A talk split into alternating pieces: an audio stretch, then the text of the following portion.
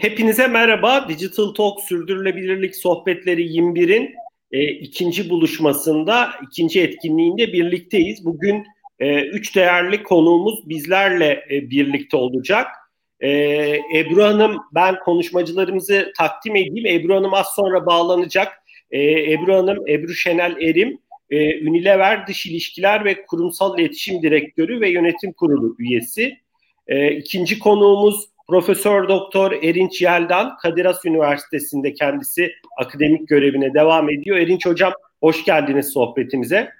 Çok teşekkür ediyorum Ozan Bey. Tüm dinleyicilerimize, izleyicilerimize dostça selamlar iletiyorum. Ee, çok teşekkürler. Üçüncü konuğumuz Türk Konfent e, Yönetim Kurulu üyesi Onur Ünlü. Onur Bey hoş geldiniz sohbetimize. Hoş bulduk Ozan Bey. Herkese e, merhabalar diliyorum. E, ben müsaadenizle kısa bir açılış yapayım. E, bilmeyen değerli dinleyicilerimizin bu etkinlik serisini daha e, net anlaması açısından Digital Talks olarak 8 yıldır bu arada Ebru Hanım'ı da gördüm. Ebru Hanım'ı da yayına alayım. Hemen aldım. Ebru Hanım hoş geldiniz. Merhaba, nasılsınız? Ee, iyiyiz Ebru Hanım. Biz de daha tam e, yeni başlamıştık. Ee, sizi, sizi, sizi de ben e, tanıttım. E, hoş geldiniz tekrar. Hoş bulduk. Biraz geciktiğim için özür diliyorum. Bir e, kafa karışıklığı oldu nereden bağlanacağımla ilgili ama sonuçta başardım. Ee, Erinç Bey, Onur Bey sizlere de merhabalar. Beraber olmak büyük bir keyif. Merhaba Ebru Hanım. Çok teşekkürler Ebru Hanım. Ben de e, Digital Talks'la ilgili bilgi veriyordum Ebru Hanım. Müsaadenizle evet. çok kısa bir bilgi vereyim. Digital Talks olarak 8 yıldır dijital dünya ile ilgili etkinlikler düzenliyoruz. E, ve bu etkinliklerimizi de pandeminin de etkisiyle 2 yıldır e, YouTube kanalımızdan ayrıca ses dosyalarında podcast olarak e, Spotify gibi, SoundCloud gibi farklı platformlardan paylaşıyoruz. E, bugün de e, sürdürülebilirlik ikincisini düzenlediğimiz sürdürülebilirlik sohbetleri serisinin ikinci buluşmasındayız e, ve e, üç değerli konuğumuz bizlerle birlikte. E, ben e, bu seriyi destekleyen değerli sponsorumuz, ana sponsorumuz İş Bankası'na ve değerli yöneticilerine de teşekkür ediyorum. Bugün yaklaşık bir saatlik bir sohbetimiz olacak. Üç değerli konuğumuzla birlikte. Eğer sorularınız olursa da bilgi.digitaltalks.org adresine iletebilirsiniz. E, vaktimiz kaldığınca da e, kalırsa da bu soruları ben değerli konuklarımıza e, yönlendirmeye çalışacağım. Bugün odağımızda yeşil mutabakat ve kurumların sürdürülebilirlik ajandası var. E, yeşil mutabakat kavramını da e, çok sık duymaya başladık ve e, değerli konuklarımızla özellikle Erinç e, hocamız ve Onur Bey'in e, değerli oradaki yorumları bizler için önemli. Ebru Hanım da e, Unilever perspektifinden Unilever'in sürdürülebilirliğe bakışını e, bizlerle paylaşacak. E, eminim üç değerli konuğumuz da çok değerli, kıymetli paylaşımlarda bulunacak. Dilerseniz sohbetimize başlayalım e, isterseniz. Erinç Hocam sizinle başlayalım. E, 2016'da yürürlüğe giren bir Paris e, iklim anlaşması var. Türkiye bu iklim anlaşmasına imza atmayan e, yanılmıyorsam 5 ülke var. Bu 5 ülkeden bir tanesi. Ama sizinle e, dün e, özel sohbetimizde belirttiğiniz bir nokta ilginçti. Dediniz ki Ozan e, Paris İklim Anlaşması hani demode oldu aslında. Şu an çok daha farklı konuları şirketler, ülkeler özür diliyorum gündemlerine aldılar. Biraz burada Türkiye'nin çekinceleri nedir? Bu noktada demode olan nedir? Farklı ülkelerin gündemlerinde bu anlamda anlamda ne gibi konular var? E, ben sözü size bırakmak istiyorum Erinç Hocam. Ee, çok teşekkür ediyorum e, e, sevgili Ozan. E, kısaca toparlayalım. E, bu e, Paris e, Taraflar Konferansı 2015'te toplandığı vakit aslında e, işlemeyen bir kurguya e, e, cevaz e, vermek içindi. Neydi o kurgu? Daha evvelinden e, bir çerçeve anlaşması yapılmıştı 1992'de. E, 97 ve sonrasında Kyoto protokolü devreye girmişti. Şimdi Kyoto protokolü e, her ülkeye kendi e, e, e ekonomik e, kapsamları boyunca belli hedefler koyuyordu. Ama e, bu hedeflerin e, ulaşılamaması durumunda herhangi bir yaptırım, herhangi bir e, e merci e, söz konusu değildi hükümetlerin, e, ülkelerin hükümranlık e, konuları açısından değerlendirdiğinizde. Dolayısıyla 2015'e gelindiğinde e, taraf ülkeler dediler ki biz e, her ülke kendi beyanını e, kendi niyetini e, serbestçe e, açıklasın ve uluslararası iklim diplomasisi içerisinde saygın bir e, ülke olarak hedefler koysun. O hedefleri açıklasın ve e, o tutarlılığı kendi kendine e, ne e, denetleyerek olarsın. E, burada tabii daha bir e, ulusların egemenlik e, haklarına daha saygılı, e, biraz da e, herkese güven duygusu açıklayan e, bir e, e, anlaşma oldu bu. Türkiye'de 2015'te e, kendi e, niyet beyanını açıkladı ve e, 2015'te kabaca 450 milyon ton e, karbon e, dioksit eş değeri olan sera gazı yıllık salımımızı 2015'ten 2030'a kadar 1170 e, e, milyon tona çıkacağını ve oradan da niyetlenmiş beyan olarak yüzde 20 yani artıştan azalış 450 1100 küsür milyon tona çıkacak. 2030'a geldiğimizde de biz yüzde 20 bu artıştan azalışı taahhüt ettik. E, bu kolay bir e, süreç olmadı. E, Enerji Bakanlığı, dönemin Kalkınma Bakanlığı, eski e, DPT, e, kuşkusuz Çevre Bakanlığı, e, Dışişleri Bakanlığı, e, e, TÜSİAD, Türkonfet, e, DİSK gibi e, e, kuruluşlar e, aralarında olmak üzere bu heyecanlı bir tartışma oldu 2015'te. Sonra biz yüzde yirmilik bir e, e, taahhütle ama dikkat ederseniz artıştan azalış. E, biz e, Paris'e gittik. Şimdi e, Türkiye'nin çekinceleri şu oldu. 1992'de e, e, ilk e, çerçeve anlaşması yapıldığı zaman Türkiye biraz da dönemin ruhuna uygun olarak işte Sovyet sistemi çökmüş, Türkiye Cumhuriyetler ortaya çıkmış, yepyeni bir finansal dünya ortaya çıkmış. Türkiye 32 sayılı meşhur karar ile oluk oluk bir sıcak para geliyor. Böyle bir büyüyen, genişleyen bir heyecan ülkesi. O zaman ee, OECD ülkeleri arasında gelişmiş ülkeler statüsünde kendisini kaydettirmiş. Dönem e, Turgut Özal'ın e, rahmetlinin dönemi bir coşkulu bir dönem. Şimdi bu ne demek? Bu şu demek. OECD içinde bir ek bir ülkeleri var. Bunlar diyorlar ki biz 1990'a itibarla artık karbondioksit salımlarımızı mutlak anlamda düşeceğiz. 1990'da Türkiye'nin e, karbondioksit salımı kabaca e, 190 200 milyon ton diyelim kabaca. 200 milyon tondan itibaren artık 190, 180 neyse belli bir takvim boyunca mutlak anlamda karbondioksit e, salımımızı düşüreceğiz. Bu mümkün değil. E, hala da mümkün değil. Yani biz ancak artıştan azaltım taahhüt edebilecek bir konumdayız. Kendi ülkemizin sanayi çizgisine ve e, iş dünyasının faaliyetlerine e, göre. Bir de ek iki ülkenin de içine girmişiz. Bu da mutlak anlamda e, azaltım taahhüt etmekle yetinmiyor. Bir de gelişmekte olan ülkelere finansal yardım yapacak. Yani Türkiye kreditör hem teknolojik olarak karbondioksit miktarını e, mutlak anlamda azaltacak bir ülke hem de bunu yapamayan ülkelere kredi açacak bir ülke. Şimdi yani dönemin ruh halini e, düşünürseniz bu e, bugünden e, hani geçmişi yargılamak çok doğru değil. O zaman biz Türkiye Cumhuriyeti'nin ağabeysiyiz, kreditör ülkeyiz. İşte e, coşkulu bir dönem e, artık lig atlamış. OECD ülkeler arasında gelişmiş ülkeyiz biz. Şimdi bunun ceremesini çekiyoruz. Gerek Enerji Bakanlığı, gerek Dışişleri Bakanlığı çok haklı olarak diyor ki biz bu ek 1 ve ek 2, ek 2 ülke e, grubundan ayrıldık. E, fakat hala e, mutlak azaltım taahhüdü e, veren e, e, bu anlaşmaya e, imza atmış ülke konumundayız. Buralardan çıkmadığımız sürece Paris Anlaşması'nı meclisten onaylamamız bizim ulusal sanayileşme stratejimize, e, stratejik çıkarlarımıza uygun değildir diyor. Şimdi Türkiye bu bakımdan haklı fakat öbür taraftan da 30 sene geçti. Dünya o kadar değişti ki yani e, sizin de bahsettiğiniz bu beş ülke kaldı Paris Anlaşması'nı onaylamayan. Eritre, Güney Sudan, Suriye, İran yani Türkiye'nin hiçbir şekilde bu ligde yerinin olmaması gereken bir ülkeler grubu iklim diplomasisi açısından Türkiye yalnızlığa itilmiş durumda.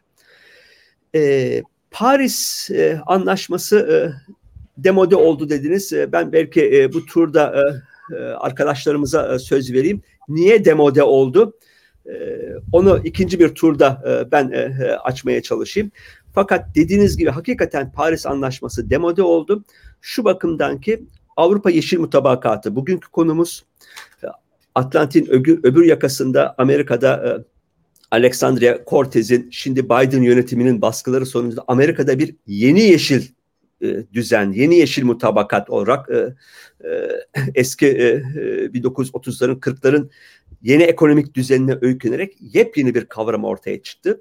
Şimdi ülkeler bu iklim diplomasisi içerisinde birbirleriyle net sıfır emisyon 2050, 2060, 2070 gibi net sıfır emisyon hedefleri e, enerjide dönüşüm, işte e, tarımın dönüştürülmesi, e, elektrikli araçlar, binaların dönüştürülmesi topyekün yepyeni bir sanayileşme stratejisi olarak bunu alıyorlar.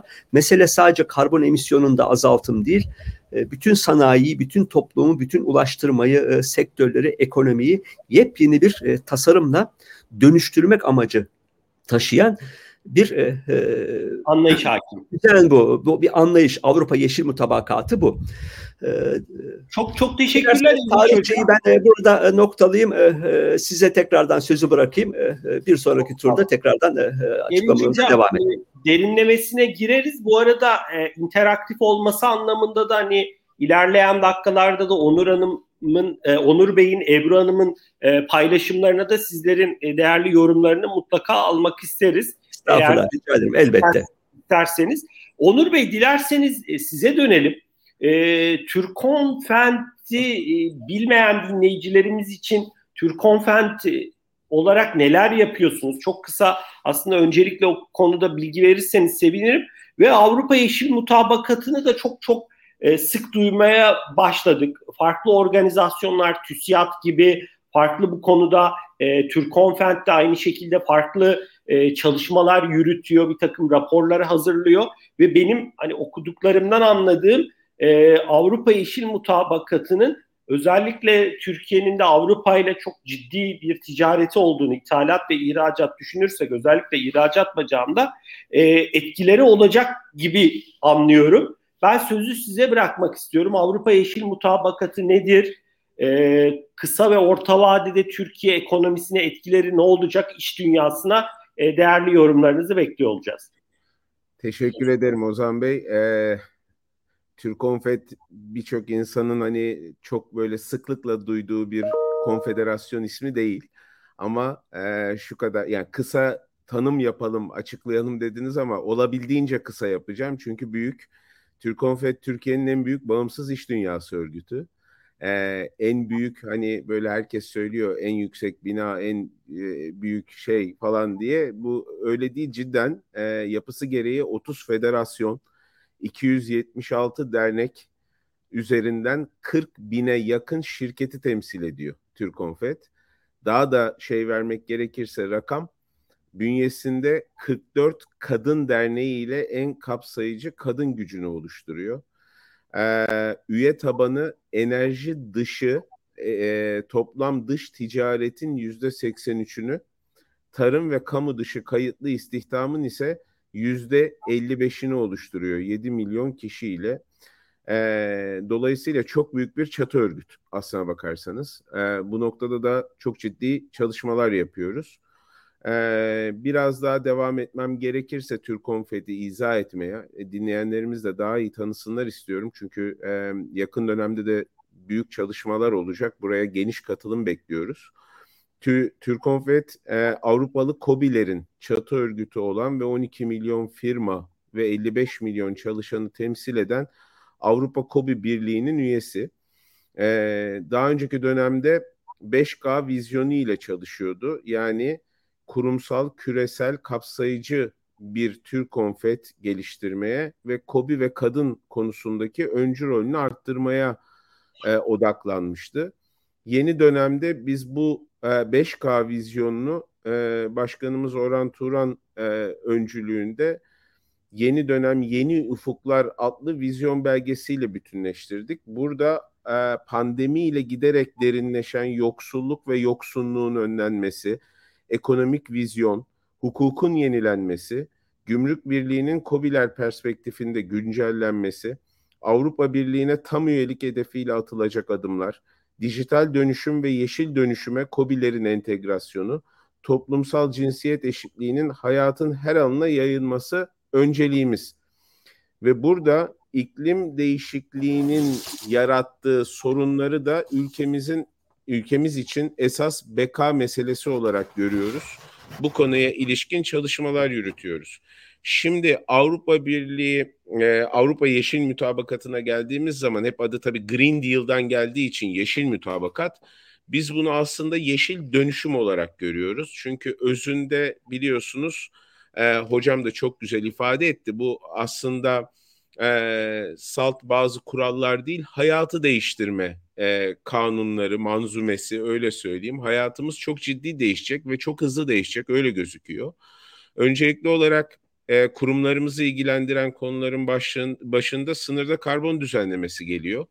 Sınırda karbon düzenlemesi mekanizmasına göre şirketler 2023 yılında 5 sektörde başlamak üzere raporlamaya başlayacaklar. 2026 yılından itibaren de Avrupa Birliği'nin belirlediği emisyon oranlarına ulaşamazlarsa aradaki fark için vergi ödemeye başlayacaklar. Şimdi bundan dolayı bir popülerleşti. Hemen işte sınırda karbon vergisi geliyor. Ee, ne kadar vergi ödeyeceğiz, ne olacak diye. Bizim çalışmalarımız baktığınız zaman bu maliyet sektörlere göre farklılık gösteriyor. Çünkü önce ilk 5 sektör devreye girecek raporlama anlamında ve emisyon e, vergilendirmesi anlamında. E, şu aşamada aslında sektör bazında tespit etmek zor. Ama Onur Bey, Onur Bey orada bir e, ekleme yapayım ya da bir yorumda bulunayım e, daha net değerli dinleyicilerimizin anlaması için. Sonuçta Avrupa Birliği de kendi üreticilerinin e, regülasyonun daha e, e, geniş olduğu, daha gevşek olduğu ülkelere kaçmasın diye sonuçta diyor ki sen benim evet. ülkeme bir ürün sokacaksan bu gerekli özellikleri ta- taşımıyorsa karbon emisyonu açısından ben bundan vergi alırım, alacağım diyor. Değil mi? Yani evet.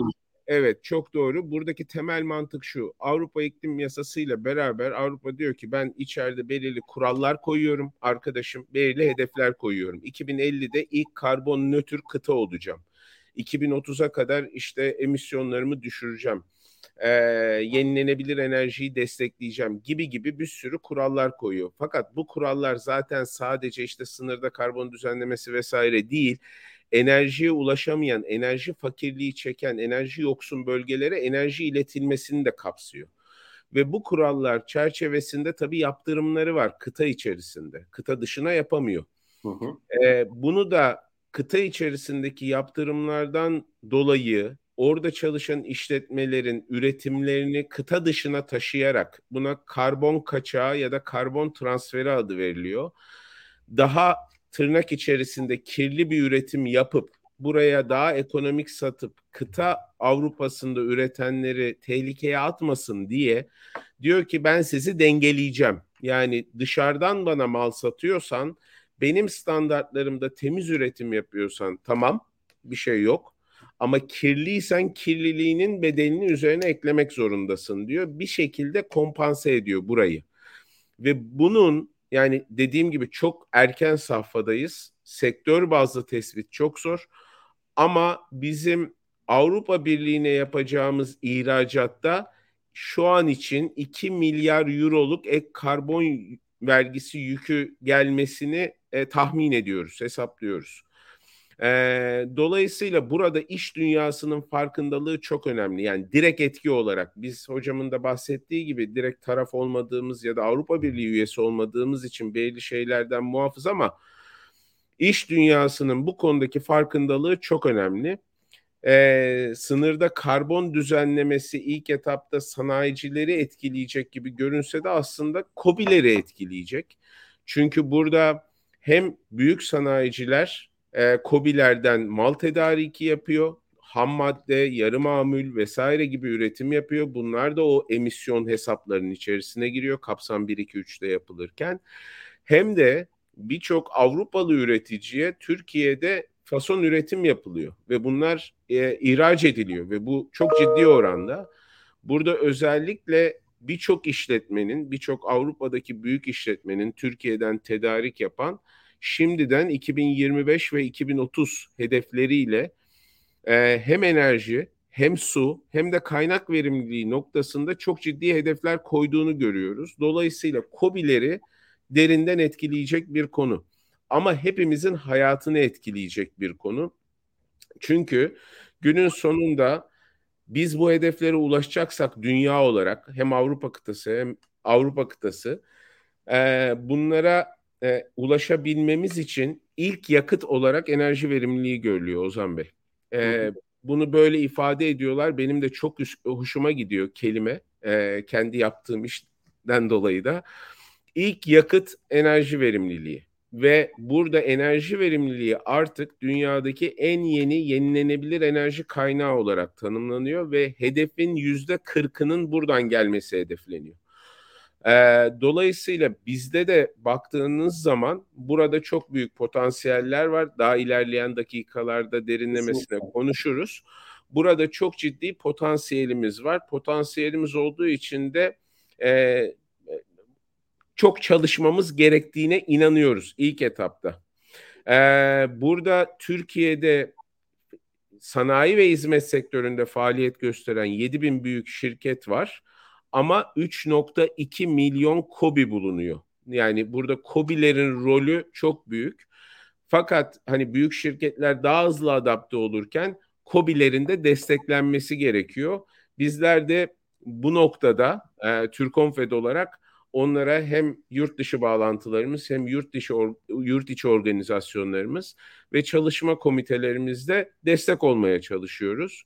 Bu noktada da bu sene e, Yeşil Dönüşüm Çalışma Komisyonu'nu da kurduk. E, Sayın Serpil Veral Başkanlığında benim yardımcılığımda e, bir komisyon kuruldu. E, bu noktada bizler de e, yine üye örgütümüz TÜSİAD gibi ve birçok dernek, federasyon gibi e, neler yapılabilir, nasıl yol haritaları izlenebilir bunları çalışarak kamuoyuyla paylaşmayı daha önce yayınladığımız birçok başarılı rapor gibi bu noktada da raporlar yayınlamayı hedefliyoruz.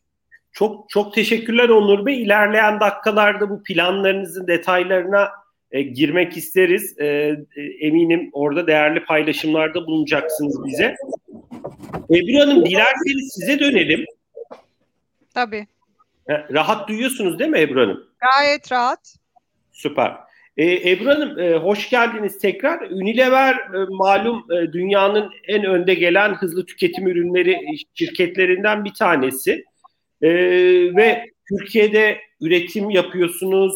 Türkiye'de üretim yaptığınız ürünlerin bir kısmını bölgesel bölge ülkelere de yanılmıyorsam e, ihraç ediyorsunuz. Global bir operasyonunuz var ve tüm aslında Erinç Hoca'nın, Onur Bey'in bahsettiği e, bir takım regülasyonlar ve buradaki değişiklikler e, sizin de çok yakından takip ettiğiniz konular zaten. Unilever olarak e, hem Türkiye'de faaliyet gösteren hem de globalde faaliyet gösteren bir şirket olarak siz bu gelişmeleri nasıl görüyorsunuz? Unilever'in sürdürülebilirliğe bakışı nedir? E, ben sözü size bırakmak istiyorum. Çok teşekkürler öncelikle beni buraya davet ettiğiniz için. Ee, biraz önce de konuştuğumuz Birleşmiş Milletler Paris Anlaşması taahhütleri ve Avrupa Yeşil Mütabakatı şartları aslında Unilever'in bundan 10 yıl önce sürdürülebilirlik konusunun ne kadar hayati olduğunun farkına vararak ve vizyoner bir yaklaşımla e, sürdürülebilir yaşam planı dediği ve 10 yıllık taahhütlerle ortaya koyduğu e, bir büyüme stratejisi oluşturduğunu e, belki söyleyerek başlamam e, anlamlı olacak. Dolayısıyla Unilever'in sürdürülebilirlik anlamında önce bir şirket olduğunu benim söylememde bir e, sakınca yok. Çünkü 2010 yılında e, aslında biz bunları konuşuyorken e, sürdürülebilirlik e, konusu aslında çok da anlaşılabilmiş bir konu değildi.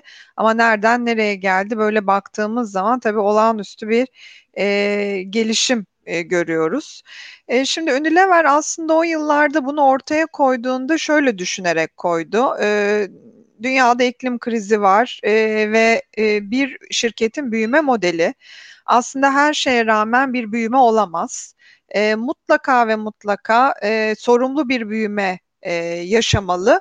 Bunun için de sosyal, e, çevresel e, ve e, ekonomik olarak bir takım taahhütlerin de altına imza atmalı e, noktasında e, endab etti.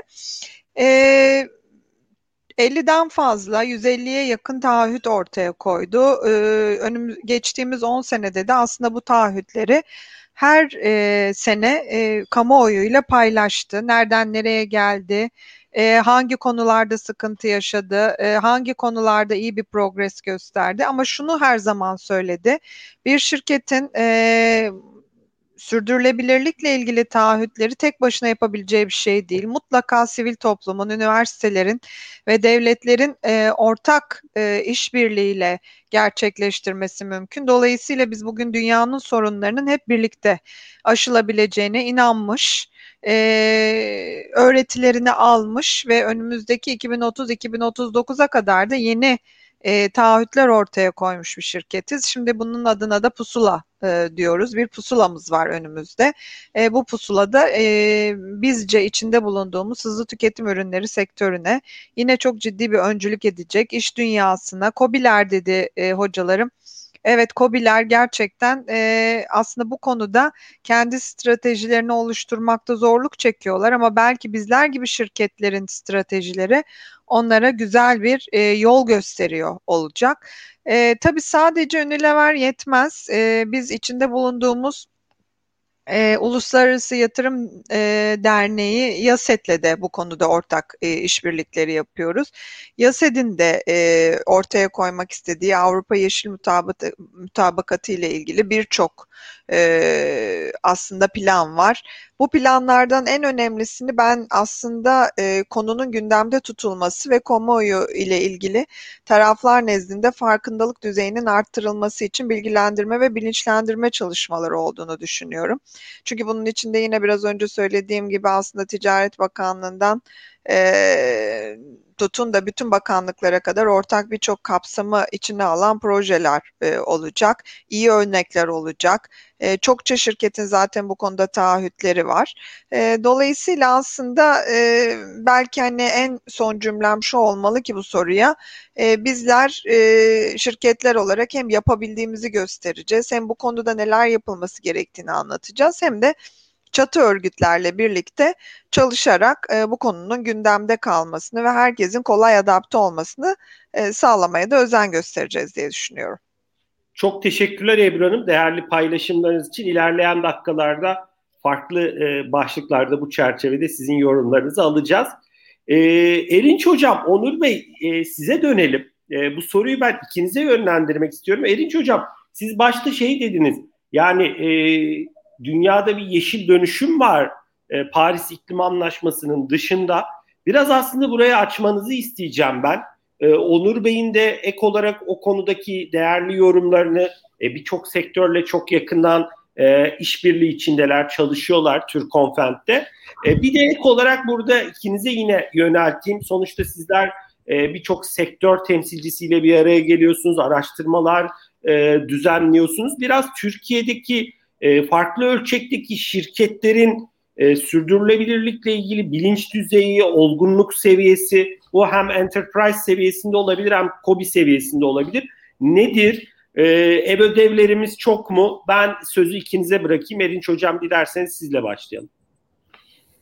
E, teşekkür ederim e, Onur Bey. Lütfen e, beni e, arada e, görüşlerinizi e, eklemek, e, ek, e, e, yorumlar yapmaktan e, imtina etmeyin. E, e, birbirimizin sözünü e, keselim. E, öyle söyleyeyim. E, e, şimdi Ozan Bey e, bu 2015'te e, taahhütler yapıldığı vakit e, dediğim gibi biz artıştan azalış taahhüdü yaptık.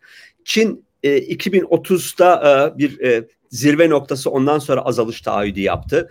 E, bize çok benzeyen rakipler Güney e, Afrika, Polonya, e, e, Meksika gibi ülkeler e, çok ciddi bir PR çalışması ve bu iklim diplomasisinde hakikaten e, e, önemli hedefler koydular. Bütün bunlar 200 küsür ülkenin hedefleri alt alta konduğu vakit Uluslararası Enerji Ajansı'nın son raporlarına göre ne yazık ki e, 2030'a kadar dünyada karbon emisyonunun azaltılmasında hala yeterli olmadığı, olmayacağı sonucuna varıldı. Şimdi malumunuz esas hedefimiz sanayi devriminden bu yana e, yer küremizin ısısı e, yaklaşık 1 santigrat derece artmış vaziyette. Bu artışı e, bir buçuk santigrat derecede tutmak e, arzusunda, e, hedefindeyiz. E, Birleşmiş Milletler e, çevre e, programının UNEP'in e, ve Uluslararası Enerji Ajansı'nın e, ve bütün bilim insanlarının bize e, tanıdığı hak bu. Şimdi bu bir buçuk santigrat dereceyi tutmak için Uluslararası Enerji Ajansı'nın projeksiyonları 2040 yılına kadar şu anda günümüzde yılda bütün küresel düzeyde kabaca 32 milyar ton olan karbondioksit emisyonunun 20 milyon tonun altına düşürülmesi gerekiyor. Yani kabaca e, bir 15 e, e, milyar tonluk bir tasarruf yapılması gerekiyor. Paris Anlaşması'nda yapılan taahhütler bunu gerçekleştirmekten uzak. Dolayısıyla Paris Anlaşması demode oldu derken bu yalın bilimsel gerçekle biz karşı karşıyayız. Daha fazlasını yapmamız lazım. Şimdi Avrupa Birliği ülkeleri bu gerçekten hareketle fakat meseleyi sadece bir karbondioksit e, e, emisyonu e, azaltımın perspektifiyle sınırlı tutmayıp enerjide dönüşüm, biraz evvel Onur Bey'in bahsettiği, e, e Ebru Hanım'ın bahsettiği üzere bütün sektörlerde, tarımda, e, ulaştı, ulaşımda, e, e, konutta e, ve e, tüketim kalıplarında geride hiç kimseyi bırakmama stratejisi yoluyla bir de ayrıca finans, yeşil finansmanı hareketlendirerek yepyeni bir tasarım kurguladılar. E, ee, 1990'a görece 2030 itibariyle bir ara hedef olarak karbon emisyonlarını %55 azaltacaklar. 2050'de de net sıfır emisyona ulaşacaklar. Bunun için yapılacak olan yatırımların ve dönüşümün maliyeti 30 trilyon avro olarak düşünülüyor 2050'ye kadar. 30 trilyon avro. Şimdi Avrupa Birliği çok haklı olarak ben bu kadar büyük bir yatırım hamlesine girişeceğim. E, istihdamımı korumak istiyorum. Kendi sanayilerimi korumak istiyorum. E, kendi e, coğrafyamda bu e, yatırımları yapar, bu taahhütleri, bu regülasyonları koyarken Onur Bey'in bahsettiği bu karbon sızıntısı e, tehlikesine karşı yani kirletici sektörlerin dünyadaki çevre standartlarının bu denli güçlü olmadığı gevşek ülkelere ki Türkiye'yi de buna e, koyabiliriz ne yazık ki. Bu ülkelere akıp kaçmasına müsaade etmeyeceğim diye yepyeni bir ticaret koruması sistemi koydu. Şimdi dostlar arasındayız. Bunun adını koyalım. Bu e, bir tarife dışı engeller ve ticaret korumacılığı olarak çalışacak. E, Avrupa Birliği bunun diplomasisini, e, dilini son derece e, net bir şekilde koydu. Sınırda karbon uyarlaması diye aslında 2010'lu yıllarda Fransa'da başlayan bir kavramı gündemimize koydu. Nedir bu sınırda karbon uyarlaması? Bugün Avrupa'daki karbon ticaret sistemi içerisinde bir ton karbon dioksit sertifikasının el değiştirmesindeki denge fiyatı 50 avro düzeyinde. 2018'de e, bu rakam e, 15.3 avroydu. Şimdi bu e, taahhütler sonunda bu 50 avronun 2030'a kadar 70 ve hatta daha yukarıya e, çıkacağı düşünülüyor. Avrupa Birliği ülkeleri diyor ki eğer sizin kendi ülkenizde şu veya bu şekilde karbondioksit fiyatlanmamışsa bir karbon vergisi veya bir karbon ticaret sistemindeki piyasa fiyatıyla fiyatlanmamışsa ben kendi ülkemde geçerli bu 50 karbon 50 avro karbon e, fiyatını içerilen mal diyelim ki çimento satıyorsunuz. Bir ton çimentoda ne kadar karbondioksit içerilmiş ben onu hesaplayacağım bakacağım ve kendi ülkemde en verimli yüzde on şirketin karbon e, içeriği ile bunu karşılaştıracağım ve e, aradaki farkı sizden sınırda karbon uyarlaması. Vergi, ihracat vergisi bu. E, e, yoluyla tahsil edeceğim diyor. Şimdi biz şöyle bir hesap yaptık geçen sene. Daha bu kadar net değildi e, veriler.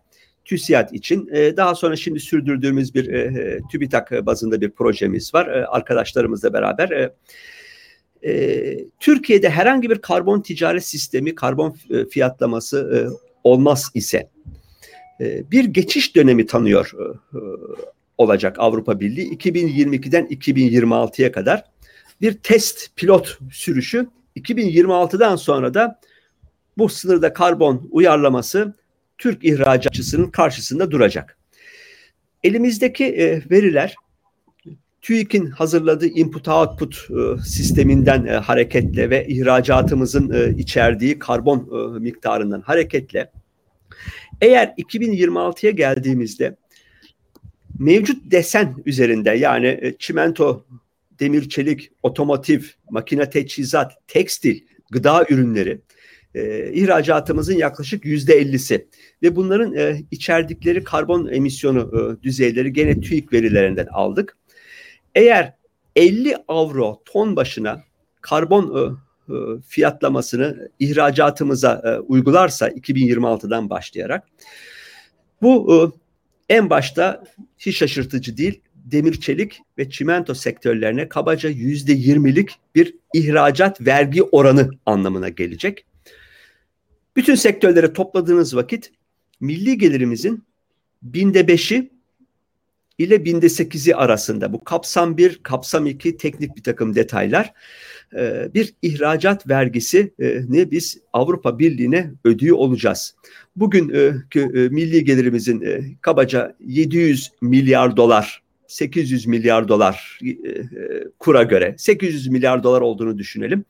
Bunun işte binde beşi kabaca 1 milyar avroya, 1.8 milyar avroya dediğim gibi karbon fiyatının 50 70 100 avroya kadar çıkacağı bu zaman ufkunda düşünülürse Türkiye'de her sene biraz evvel Onur Bey kendi çalışmalarında da bahsetti. Bizim çalışmalarımız da bunu doğrular nitelikte.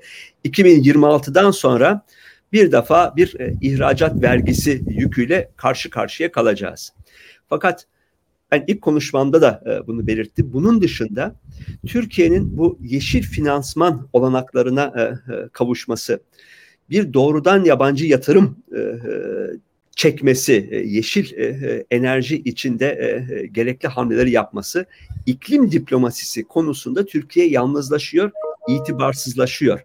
Yani biz bize haksızlık yapılıyor, biz Paris Anlaşması'nı imzalamıyoruz e, artık e, geçerli bir argüman olmaktan çıktı. E, dünya çünkü bambaşka şeyleri tartışıyor. Biz artık Paris'e takılıp e, ek 1, ek 2'ye 1992'deki anlaşmazlıklara e, takılıp kalmamamız lazım. Aktif olarak kendi net sıfır hedefimizi 2050, 2060, 2070 ortaya koymamız lazım ve bu dönüşümü bir fırsat olarak değerlendirmemiz lazım. Yeşil enerjiye e, e, dönüşüm, organik tarıma dönüşüm, akıllı binalar, ulaşımda e, e, elektrikli arabalar, elektriğin daha ucuz, daha e, e, güvenli güneş, rüzgar, jeotermal gibi kaynaklarla e, e, ithalat bağımlılığımızı azaltıp e, iklim e, diplomasisi içerisinde de bu hak ettiğimiz e, saygı değer bir e, konumu kazanmamız lazım. Biz TÜSİAD çalışmamızda bunun mümkün olmaktan öte bunu arzu edilebilir. Bu kayıpları telafi edeceğimiz fosil yakıtlara dayalı enerji desenimizi değiştirip tarımda tüketim kalıplarımızda böyle bir yeşil dönüşüm bir felsefe ile Türkiye'nin milli gelirinin bilakis daha fazla istihdam, daha fazla yatırım, daha fazla tüketim, daha fazla refah e, olanaklarına kavuşabilecek bir patikaya e, dönüştürebileceğini gösterdik. E, buna benzer çalışmalar hem ulusal hem uluslararası yazında başka ülkeler için de geçerli. Bunu bir fırsat olarak görmemiz ve bir an evvel buna yönelik çalışmaları hayata geçirmemiz gerekiyor. Ben de sözü... Çok sağ olun. Erinç Hocam çok teşekkürler. Ee, Onur Bey dilerseniz sözü bırakalım ama orada bir noktayı ekleyeyim. Siz şey demiştiniz e, sohbetimizde e, yani bu taahhüt edilen paralar vesaire zaten kimse vermiyor. Türkiye gereksiz yere gereksiz yere endişe ediyor e, boş yere hani imzalamayarak da algımızı e, olumsuz etkilemeye gerek yok. Zaten e, onlara da çok uyulmuyor gibisinden bir açıklamada bulunmuşsunuz. Çok doğru. Bu e, 1992'den Kyoto'dan ve Paris'ten e, süre gelen gelişmiş ülkeler teknik olarak biz de onun yanındayız dediğim gibi o, o listedeyiz. 100 milyar dolar her sene gelişmekte olan yoksul ülkelere teknoloji transferi e, e, ve finansal e, e yardım olarak biriktirecekti her sene. Bu meblağ şu ana kadar sadece 3 3,5 milyar dolarlık bir e, söz söz konusu oldu. Trump Amerika'sında sıfırlandı gitti. Yani zaten e, e, böyle bir e, gerçek bir e, kısıtlama, e, böyle bir korktuğumuz bir e, şey yok. Biz egemenlik e, haklarımızı kullanarak her zaman için e, e, biz Paris Anlaşması'nı imzalıyoruz ama burada çekincemiz var diyebiliriz. Yani bu cesareti her zaman gösterebiliriz. 30 sene evvelinin bir takım taahhütleri e, dediğim gibi bambaşka koşullarda yapılmış taahhütlerle kendimizi hiç e, e, otosansürle e, sınırlamamıza gerek yok. Ve e, şöyle bir şey daha vurgulamama müsaade edin.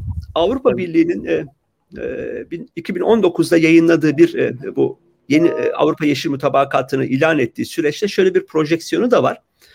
Bir, Türkiye ve Rusya mevcut karbon emisyonunu e, patikalarına devam ederse gerek e, enerji ve üretim deseni içerisinde 2030 yılında sadece Rusya ve Türkiye bütün Avrupa kıtasından daha fazla karbon emisyonu yaratan bir ülke olacağı endişesini taşıyorlar.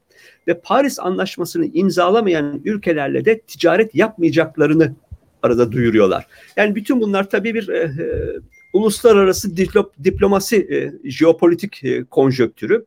E, herkes kartlarını açıyor bir e, e, masa içerisinde. Dedim ya dostlar arasındayız. Avrupa Birliği ben bir ihracat vergisini e tarife dışı engellerle e, e, ortaya koyacağım diyor. Birçok haklı değerini de arka planda dünyaya aktarmış durumda. Bizim buna hazırlıklı olmanın ötesinde bundan yararlanacak adımları atmamız gerekiyor. Çok teşekkürler. Onur Bey sizlerin değerli yorumlarını alabilir miyiz? Bir de sektör özelinde gördüğünüz e, gözlemler ne, içgörüler ne? Bir de farklı ölçekteki tabii ki şirketlerde. E, hepsine gireyim. Hocamın dediklerini dinlerken onun için de kesmedim. Böyle bazı şeyleri çok güzel ifade ediyor. En son e, COP toplantılarına Madrid'dekine katılma fırsatım oldu. Orada biraz daha gördüm. Yani ülkelerin de e, tırnak içerisinde iki yüzlük, yüzlülüklerini bu noktada hani dünyanın çıkarları çerçevesinde aradan kendi çıkarımı nasıl geçiririm diye bütün ülkelerin öyle manevraları da var. Yani çevreyi koruyacağım ama diye başlayan şeyler. Dolayısıyla zor. Yani siyaset zaten zor. Uluslararası siyaset başka zorluklar içeriyor. Ee, önce şeyden başlayayım. Ee, şimdi bu işin iki iki boyutu var. Ee, sanayi tesisleri açısından baktığımız zaman bir tanesi büyük ölçekli tesisler, diğerleri KOBİ. Ee, mesela biz daha önceden Türkonfet olarak e, bir Avrupa Yeşil Mütabakatı ve KOBİ'ler başlıklı bir rapor hazırladık, bir çalışma hazırladık. Buradaki farkındalığı arttırabilmek için raporda COBİ'lerin yeşil büyüme kapsamındaki rolleri, karşılaştıkları engeller ve fırsatlar değerlendirildi. Özet olarak vereyim. COBİ'lerin önündeki fırsatlar kaynak verimliliği kanalıyla maliyet avantajı, yeni pazarlara erişim fırsatı. Çünkü bir anda sizin rakip ülkenizdeki daha tırnak içerisinde temiz üretmiyorsa size, sizden tedarik etmeye başlıyor. Ve eko inovasyon. Engeller ise belirsizlik yani talep ne kadar olacak, getiri ne kadar olacak, düzenlemeler bana ne getirecek, nasıl eksileri olacak. Bir de finansal kaynakların yetersizliği konuda konuyla ilgili farkındalık ve iş gücü eksikliği olarak e, özetlendi bu çalışmada. Dolayısıyla bu çalışma özetinden gelirsek Şimdi büyük ölçekli işletmelerde sürdürülebilirlik, enerji ve kaynak verimliliği konuları ister istemez biraz önce Ebru Hanım da söyledi. Daha 10 sene önce, 15 sene önce başladı. Birçok uluslararası kuruluşta da yerli büyük firmalarda da dolayısıyla onlarda bir farkındalık, hazırlık sürecini bitirmişlik ya da bu işlere nasıl söyleyeyim yatkınlık var ve bu çalışmalar yapılıyor. Enerji verimliliği çalışmaları da yapılıyor, yenilenebilir enerjide. Fakat KOBİ ölçeğinde başka sıkıntılar var. Öncelikli olarak yanlış yönlendirmeler var. Bu sürdürülebilir enerji yönetimi dediğimiz şey biraz daha benim uzmanlık alanıma gelirsek daha detaya girebilmek için aslına bakarsanız üç aşamalı bir süreç tamam mı? Önce kültürel ve davranışsal kısmı var. Adı tasarruf bazen ka- karıştırılıyor tasarruf verimlilik. Enerji tasarrufu davranışsal bir faaliyettir. Ben şu örneği veriyorum. Dişinizi fırçalarken musluğu kapamak tasarruftur. O anda çünkü ihtiyacınız yoktur akan suya. Dolayısıyla günlük üretimde de oluyor bu, başka şeylerde de oluyor. Ufak tefek davranışlıkları, hareket tarzlarını değiştirerek bir enerji tüketimimi azaltabilirim. İkinci aşama enerji verimliliğidir. Verimlilik yatırımı da içerisinde getirir. Erinç Hocam biraz önce bahsetti. E, 30 trilyon avro dedi. Yani biz böyle çok kolay söylüyoruz. Futbolcularda da görüyoruz. 4 milyon euroya onu niye almamış? Acaba 4 milyon euroyu bir arada gördün mü sen diyesim geliyor insanlara. 30 trilyon euro bu ne demek biliyor musunuz? Şu anda dünyada enerji yatırımları yaklaşık 1.92 trilyon dolarken senelik 6 trilyonlara çıkması demek. Enerji verimliliği yatırımları 240 milyar dolarken bunun 700 milyar dolarlara çıkması öngörülüyor. Çok ciddi yatırımlardan bahsediyoruz. Dolayısıyla enerji verimliliği içerisinde yatırımı getirir. Niye? Sistemin daha verimli olmasını, sistemin daha verimli olarak senin maliyetlerini düşürmeye, çevreye kirliliğini azaltmayı getirir. İkinci aşama budur. Bunlarla önce tasarrufla azalttım, verimlilikle minimize ettim. Ondan sonradır üçüncü aşama yenilenebilir enerji. Kalan enerjiyi yenilenebilir olarak tedarik et, çevreye zararın önüne geç. Şu anda mesela niçin dedim farkındalık ve bilgi yanlışlığı var. Şu anda mesela sanayide çok sıklıkla şeyi görüyoruz. Çatı üzeri güneş enerjisi kullanılması. Kesinlikle kullanılmalı. kesinlikle karşı değilim. Tarafım.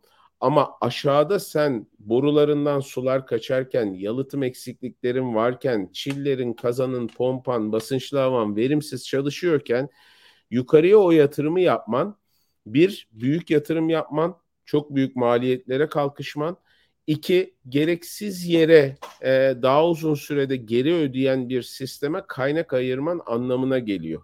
Önce bir azalt sonra yenilenebilirden. Dolayısıyla bir bu var. İkincisi de COBİ'de finansal kaynağa eriştiği zaman adı üstünde küçük ve orta ölçekli işletme. Ne istiyor bu işletme? Büyük olmak istiyor. Ben büyük işletme olmak istiyorum. Büyük işletme olması ne demek? Bir tane daha paketleme makinesi demek, bir tane daha dağıtım aracı demek, bir tane daha üretim hattı demek. Elinde kaynak, finansal kaynak olduğu zaman bunu yatırıma ayırıyor. Bununla daha bir tane daha makine alayım şey yapayım. Verimliliğe ayırmıyor ya da yenilenebilir enerjiye ayırmıyor. Haklı olarak ben burada haksızlık bulmuyorum.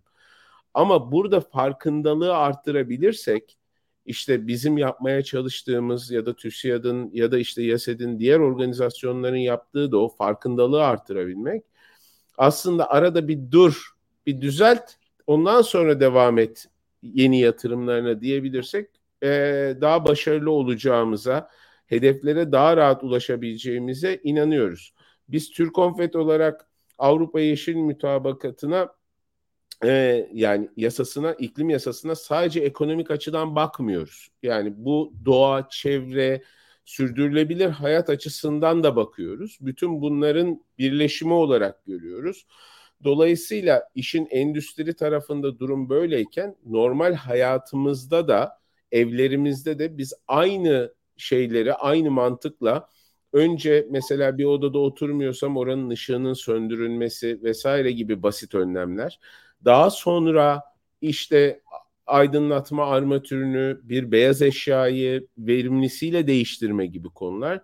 Daha sonra da yine kültürel olarak mesela klima kullanımı, evimizde split klima vesaire kullanıyorsak gündüz bunu kullandığımızda en azından perdemizi çekip güneşin etkilerini azaltıp verimli çalışmasına imkan tanıyabiliriz. Isı kazancını azaltabiliriz.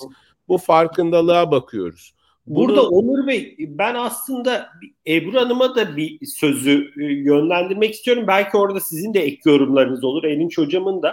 Ee, Ebru Hanım siz Unilever olarak e, küçük, e, orta ölçekli, büyük ölçekli birçok tedarikçiniz var ve şimdiye kadar da birçok sürdürülebilirlik programını e, hayata geçirdiniz, geçiriyorsunuz. E, kendi vizyonunuzu da paylaştınız orada. Pusula dediniz. E, baktığınız zaman peki orada özellikle Türkiye'deki COBİ'lerle yani iş ortaklarınızla yürüttüğünüz projelerde bir karşılaştığınız engel ne oluyor? İki bu dönüşümü yaptığı zaman COBİ'ler, tedarikçileriniz e, verimliliklerine hakikaten Onur Bey'in dediği katkıları görüyorlar mı? Biraz oradaki learningleriniz nedir? Aynı şekilde Onur Bey, Ebru Hanım'dan sonra hani sizin Türk Konfent olarak yakından çalıştığınız kimi büyük ve kobi şirketlerinde gözlemlediğiniz o dönüşüm nedir? Ebru Hanım burada ne söylemek istersiniz? Çok teşekkürler. Ee, şimdi aslında yaklaşık iki yıldır yaşadığımız pandemi süreci dünyanın karşılaştığı en büyük krizlerden bir tanesi hepimiz yaşıyoruz. Ee, aslında global olan birçok sorunun etkisiyle daha da e, büyüyecek ve globalleşmeye neden olduğu ve şirketler için her ne pahasına olursa olsun da büyümenin e, sürdürülebilir olmadığını bize anlatıyor diye düşünüyorum. E, bu bizim açımızdan bu konunun ertelenebilir olmadığını apaçık hale getiriyor ve tabii ki yine aynı şeye döneceğim sorunuzla da bağlantılı olarak biz bunu tek başımıza yapamayız. Yani Unilever olarak kendi şirketimizde her şeyi harika yapıyor olsaydık da sorumluluğumuz burada bitecek miydi? Hayır bitmeyecekti. E, dolayısıyla e, bir örnekle şöyle başlamamda fayda var. E, biliyorsunuz dünyada büyük bir güven endeksi var. Trust Barometer diye 2021'de de bunun e, sonuçları şunu gösteriyor e, güven kaybı yaşayan insanlar aslında iş dünyasının devreye girip yaşadıkları boşluğu doldurmasını bekliyor gibi görünüyor. Yani e, çünkü insanlar devletlere karşı güven kaybediyor, sivil topluma karşı güven kaybediyor ama birilerine güvenmek istiyorlar. Acaba bu iş dünyası olabilir mi? Şimdi bütün bunları alt alta diye baktığımızda iş dünyasının tartışmasız bir gerçeği var. Bir yandan finansal hedefler, diğer yandan sosyal hedefler e, her ikisine birlikte koşabilen şirketlerde varlığını sürdürebilecek gibi görünüyor bundan sonra. E, dolayısıyla e, yeni dünya gerçeğinde sadece yatırımcılarını düşünen ve kısa vadeli odağa sahip şirketlerinin yaşamasının da mümkün olmadığını e, biliyoruz. Ee, geçerliliği yitiren bir hissedar kapitalizminden paydaş kapitalizmine geçmeyi bir seçenek olarak değil bir zorunluluk olarak gören ve bu anlayışı yıllardır savunan bir şirket olarak Dünya Ekonomik Forumu paydaş kapitalizmi standartlarına uyacağımızı biz e, taahhüt etmişiz ve bu ölçütlere göre de raporlama yapacağımızı taahhüt eden yine 61 tane şirket arasında e, yer alıyoruz. Özetle kimseyi arkada bırakmadan hepimizin birlikte daha iyi bir dünyada yaşayacağını e, düşündüğümüzde üzerimize düşen rolün e, deneyimlerimizle de biliyoruz ki bu pandemi, refah, kalkınma, iklim, adalet gibi sorunları çözmek için e, beraberce hareket edelim. Yani bu kararlılık net. E, peki tedarikçilerle bu yolda nasıl yürüyeceğiz? Eğer siz şirket olarak e, kendi odağınıza, ekosistemim de e, bunları yapacak ve yapmalı ve bu konuda ben kararlıyım ve onlarla birlikte çalışacağım diyorsanız aslında e, onları belli bir takım platformlara e, çağırıyor oluyorsunuz. Herkes sizin kadar basit yapabiliyor mu? Hayır tabii ki yapamıyor. E, çünkü büyük şirket olmanın arkasında aslında farklı beyinler de var. Belki bunları ortaklaşa almak, birlikte çalışmak daha kolay olabiliyor. Ama bizde kolaylaştırıcı bir etki göstermek, zaman zaman bazı taahhütleri de yine tedarikçilerden almak yoluna da gidiyoruz. Mesela bizim sürdürülebilir tarım konusunda tedarikçilerimizle çalışan bir e, rehberimiz var. E, eğer bu rehberdeki bazı e, kurallara uymuyorsa tedarikçi sürdürülebilir tarım konusunda biz o tedarikçilerle çalışmamayı da seçiyoruz. E, dolayısıyla aslında bir miktarda hani bu değiştirici ve dönüştürücü etkiyi e, zaman zaman zorunluluklarla, zaman zaman eğitimlerle, zaman zaman gelin beraber yapalım platformlarıyla da e, çözmeye e, çalışıyoruz. Ama her birinde de e, aslında büyük learninglerde e, kazanıyoruz diyebilirim. Ee, bir tane mesela bugün daha ağırlıklı e, enerji konuşuyoruz hani e, özellikle Avrupa Yeşil Mutabakatı konuşuyoruz ama e, biz bundan e, bir e, 4-5 sene önce mesela kadının iş dünyasında ger, e, güçlenmesi konusunda bir platform kurduk ve bunu tedarikçilerimizle birlikte kurduk. Evet ve buraya da aslında zorunlu olarak çağırmadık. Dedik ki tedarikçilerimize isteyen gelsin. Çünkü e, günün sonunda Türkiye'de e, iş dünyasında kadına daha çok ihtiyaç var. E, o zaman e, birlikte çalıştığımız COBİ'lerin de bu konuda ne yapılması gerektiğini öğrenmeye ihtiyaç var. Bu platformda mesela e, e kadının güçlendirilmesi prensiplerini işte Birleşmiş Milletler'in ilkelerine e, baz aldık e, ve beraberce e, adına birlikte güçlüyüz diye bir platform e, kurduk. Bu bir dernek değildi, bir beraber bir araya gelmeydi. E, ve biz aslında işte e, bu tedarikçilerin bugün itibariyle kadın konusu aslında nerede olduklarını ölçtük, onların önüne koyduk. Ne yapacaklarını bilemiyorlardı, nereden başlayacak? Diyelim ki bir lojistik sektöründesiniz. Ben ne kadar kadın çalıştırabilirim ki diye düşünüyordu şirketler. E, ama e, şu anda mesela forklift kullanan, tır kullanan kadınlar aldılar işe. Yani bu aslında biraz beraberce e, öğrenerek ve birbirimizi güçlendirerek ve beraberce el ele tutuşarak da oldu. Ya olmaz denilen şeyler gerçekleşti. Bazı şirketler logolarını değiştirdiler, isimlerini değiştirdiler. E, işe alım standartlarını değiştirdiler.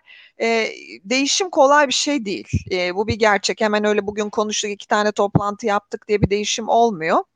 Ama e, biraz da böyle platformların getirdiği şey birbirinden özenerek, birbirinden öğrenerek, ya o yaptıysa ben niye yapmayayım? Önümdeki engeller var. Birbirimizden nasıl öğrenebiliriz? Biz mesela bunu çok kıymetli olduğunu e, düşünüyoruz. Gözlemledik, gördük.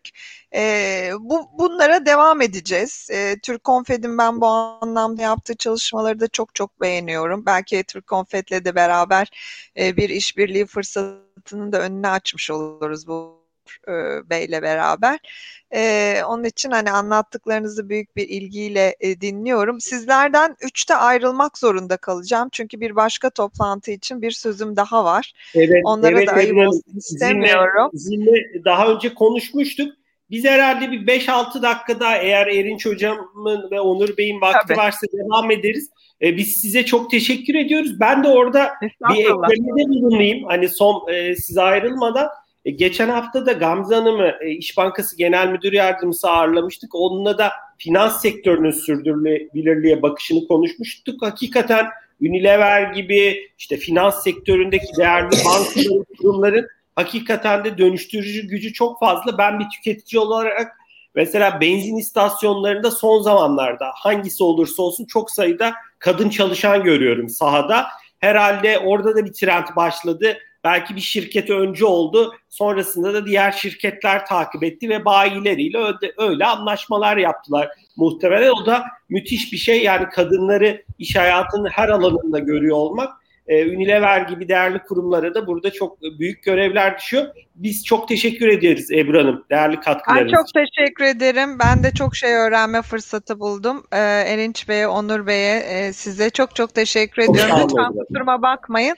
Size e, güzel sohbetler diliyorum. Hoşçakalın. Sağ olun. Görüşmek üzere Ebru Hanım. Bay bay. İyi çalışmalar Ebru Hanım. Ozan evet. Bey ben sizin sorduğunuzdan biraz devam edeyim. Biraz Tabii ki. Ben Onur Bey size dönecektim. Evet. Sözü bırakıyorum.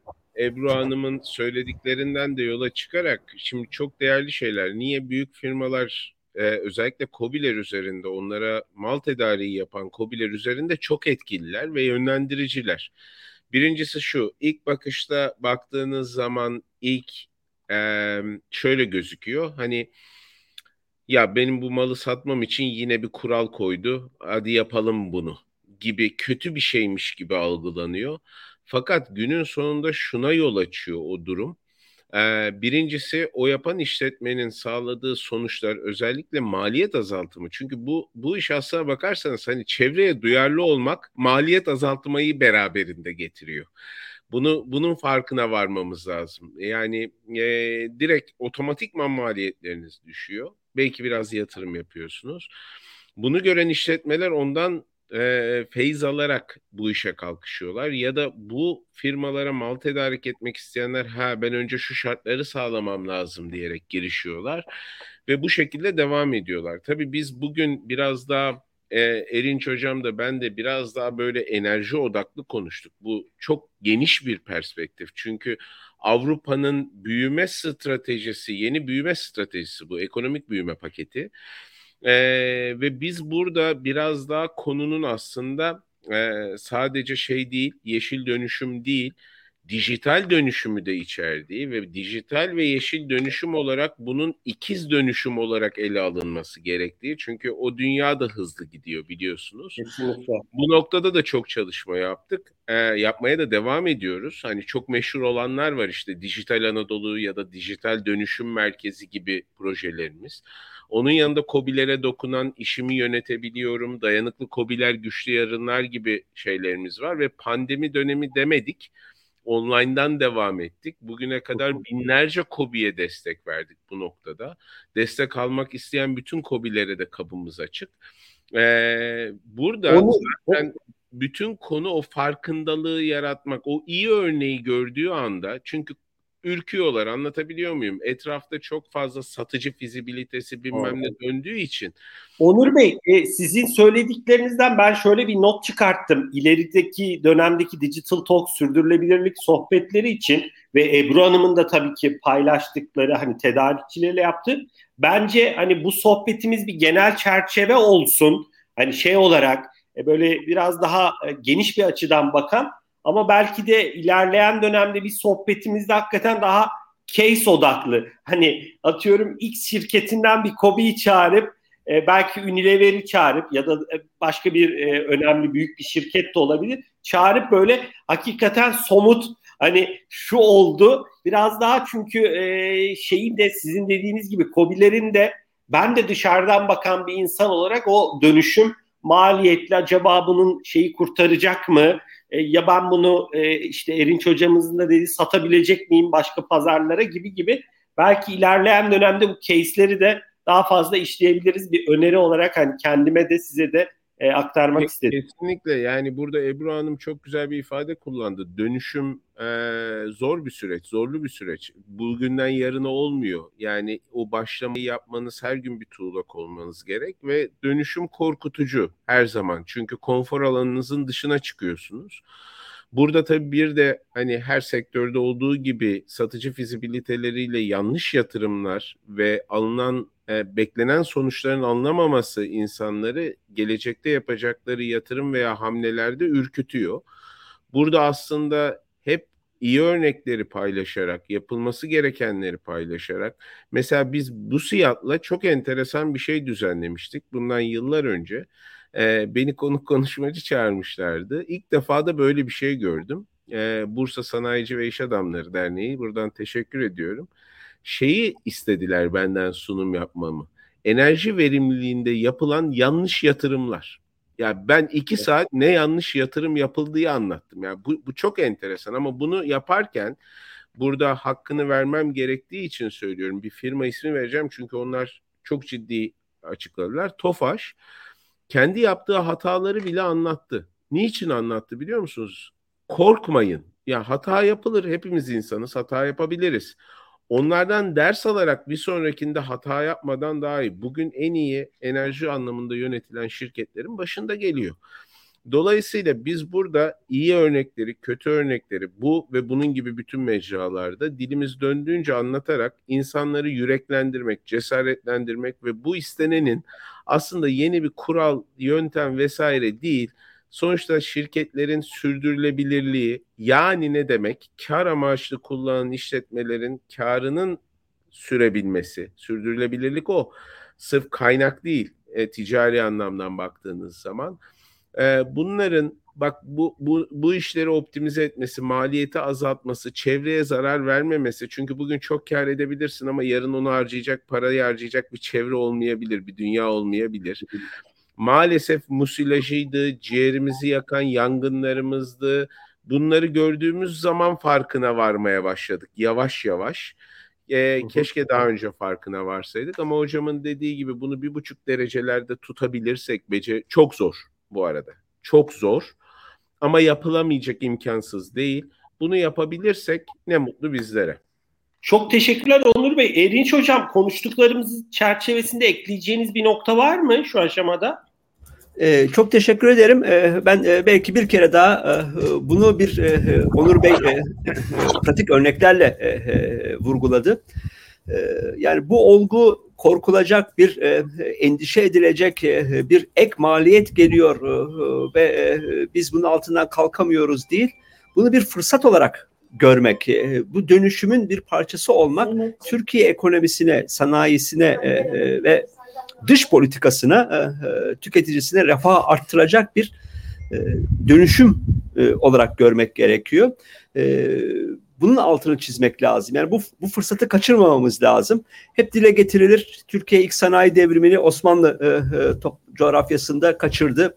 İkinci sanayi devrimi işte 950'lerin 60'ların Fordist üretim, Taylorist üretim Şimdi e, bu yeşil enerjiye dayalı sanayi e, devrimini e, kaçırmamamız, bunun bir parçası olmamız gerekiyor.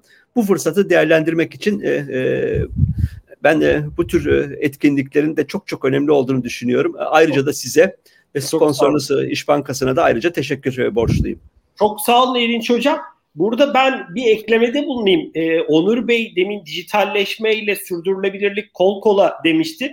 Aslında biz Ebru Hanım'la önceki sohbetimizde bugün değil tabii ki yani bu yayın öncesinde tabii hızlı tüketim ürünleri sektöründe de aslında inanılmaz bir iş modeli dönüşümü var. Mesela dünyada gördüğümüz trendlerden bir tanesi tekrar doldurma. Refilling dediğimiz işte e, siz işte sıvı sabunu gidip marketten almıyorsunuz da kapsüle işte içindeki akrilik kabın içine kapsülü koyup ya da deterjan için aynı şekilde Hatta e, Unilever'in ve dünyadaki farklı üreticilerin de bu anlamda çalışmalar yaptığını biliyoruz. Mesela bu aslında bir iş modeli değişimi baktığınız zaman diğer taraftan ya da mesela son zamanlarda yine Unilever'in ve ben farklı FMCG şirketlerinin bunu Türkiye'de ve dünyada yaptığını biliyoruz. Artık geleneksel bakkallardan ve küçük ölçekli marketlerden gidip sipariş alınmıyor. O siparişleri bakkallar uygulama üstünden giriyor. Böylece aslında yani yüzlerce satıcı sokaklarda gezip de sipariş toplamıyor, almıyor. E, dijital ortamdan o siparişler akıyor gibi gibi tabii data optimizasyonu tarafı var. İnanılmaz orada bir dataya yönelik yürütülen çalışmalar var. Bu sayede verimlilik ortaya çıkıyor. Yani sonuçta hakikaten de işin bir iş modeli değişimi, dijitalleşme tarafı da aslında sürdürülebilirlikle Onur Bey sizin dediğiniz gibi kol kola bunu da farklı açılardan ilerleyen dönemlerde muhakkak ele alacağız. Onur Bey sizin ekleyecekleriniz var mı? Sohbetimizi 2-3 dakika sonra kapatabiliriz birlikte. Sizin son yorumlarınız olur mu? Ben de hem size hem İş Bankası'na teşekkür ediyorum bu noktada. Ee, bizleri davet ettiğiniz için, bizleri dinleyenlere de çok teşekkür ediyorum. Değerli vakitlerinden ayırdıkları için. Ama bu konunun daha çok ele alınması gerekiyor. Daha çok konuşulması, daha çok platformda paylaşılması gerekiyor. Ee, sadece hani biz bugün biraz daha detaylı ele aldık e, Erinç Hocam'la beraber ama sınırda karbon düzenlemesi odaklı değil. Hayatımızın çok ciddi değişeceği, bugün bir tane elektrikli aracın yarın 18 tane olması gerektiği, yatırımların artması gerektiği, bu elektriğin yeşil elektrik olarak diyeyim e, yenilenebilir kaynaklardan üretilmesi gerektiği, bütün bunların hepsinin de ulvi bir amaç uğruna olduğunu söylemek istiyorum. Burada unutulmaması gereken küçük bir dipnot vermek istiyorum. Burada yapacağımız her bir hareket, her bir tasarruf, verimlilik, yenilenebilir enerji hamlesi unutulmaması lazım ki Türkiye enerji ithalatçısı bir ülke ve cari açığımızın önemli bir payı enerji ithalatı %20'sinden fazlası oradan geliyor ve milyarlarca dolar harcıyoruz. Dolayısıyla yapacağımız her bir tasarruf, her bir verimlilik artışı bizim dışarıya olan e, döviz açığımızın önüne geçiyor. Bu bir. İki, Türkiye gelişmekte olan bir ülke ve e, kalk, nüfusu da artan bir ülke. Dolayısıyla enerji talebi artan bir ülke. Biz buradaki talep artışını verimlilikle karşılarsak yeni santral, yeni dağıtım hattı yatırımı da yapmamız gerekmeyecek. İkinci kez cebimizde kalacak. Bunu şöyle bağlamak istiyorum. Dolayısıyla bu sadece şirketlerimiz veya sadece bireylerimiz için değil, aslına bakarsanız milli seferberlik mücadelesi ve e, Erinç Hocam çok güzel dile getirdi. Şu anda çok da güzel bir fırsat noktasındayız. Bu çağı yakalamak değil, bu çağın öncüsü bile olabilecek e, konumdayız. Ama hızlı hareket etmemiz lazım. Biraz beynimizi çalıştırmamız gerekiyor. Çok cebimizi çalıştırmaya gerek yok. Biraz aklımızı çalıştırırsak çok güzel sonuçlar almamız içten bile değil. Çok teşekkür ediyorum Ozan Bey. Çok teşekkürler. E, değerli dinleyiciler, Erinç Hocam e, sizin galiba bir ekleyeceğiniz yok. Demin söylediniz herhalde diye tahmin ediyorum. Elbette. Ben e, dostça selamlarımı ileteceğim bu noktada. Çok çok sağ olun Erinç Hocam. Değerli dinleyicilerimiz, e, bugün üç değerli konuğumuz bizlerle birlikteydi. Ebru Şenel Erim, Unilever Dış İlişkiler ve Kurumsal İletişim Direktörü ilk konuğumuzdu. Diğer konuğumuz Onur Ünlü, e, kendisi Türk Konfent Yönetim Kurulu üyesi Onur Bey değerli paylaşımlarınız için çok teşekkür ediyoruz. Diğer konuğumuz ise e, Profesör Doktor Erinç Yel'den Kadir Has Üniversitesi'nde kendisi akademisyen olarak görev alıyor. Ben üç değerli konuğumuza da çok teşekkür ediyorum değerli paylaşımlar için. Değerli izleyicilerimize de teşekkür ediyorum. Bu sohbetleri YouTube kanalımızda ilerleyen dönemlerde de tekrar izleyebilirsiniz ve e, biz podcastlerini de e, birkaç gün içinde ilgili platformlara Spotify gibi, SoundCloud gibi koyacağız. E, çok teşekkür ediyorum tekrar değerli paylaşımlarınız için ve müsaadenizle bugünkü oturumu kapatıyorum. Herkese keyifli, güzel bir gün diliyorum. İyi günler. Sağ olun.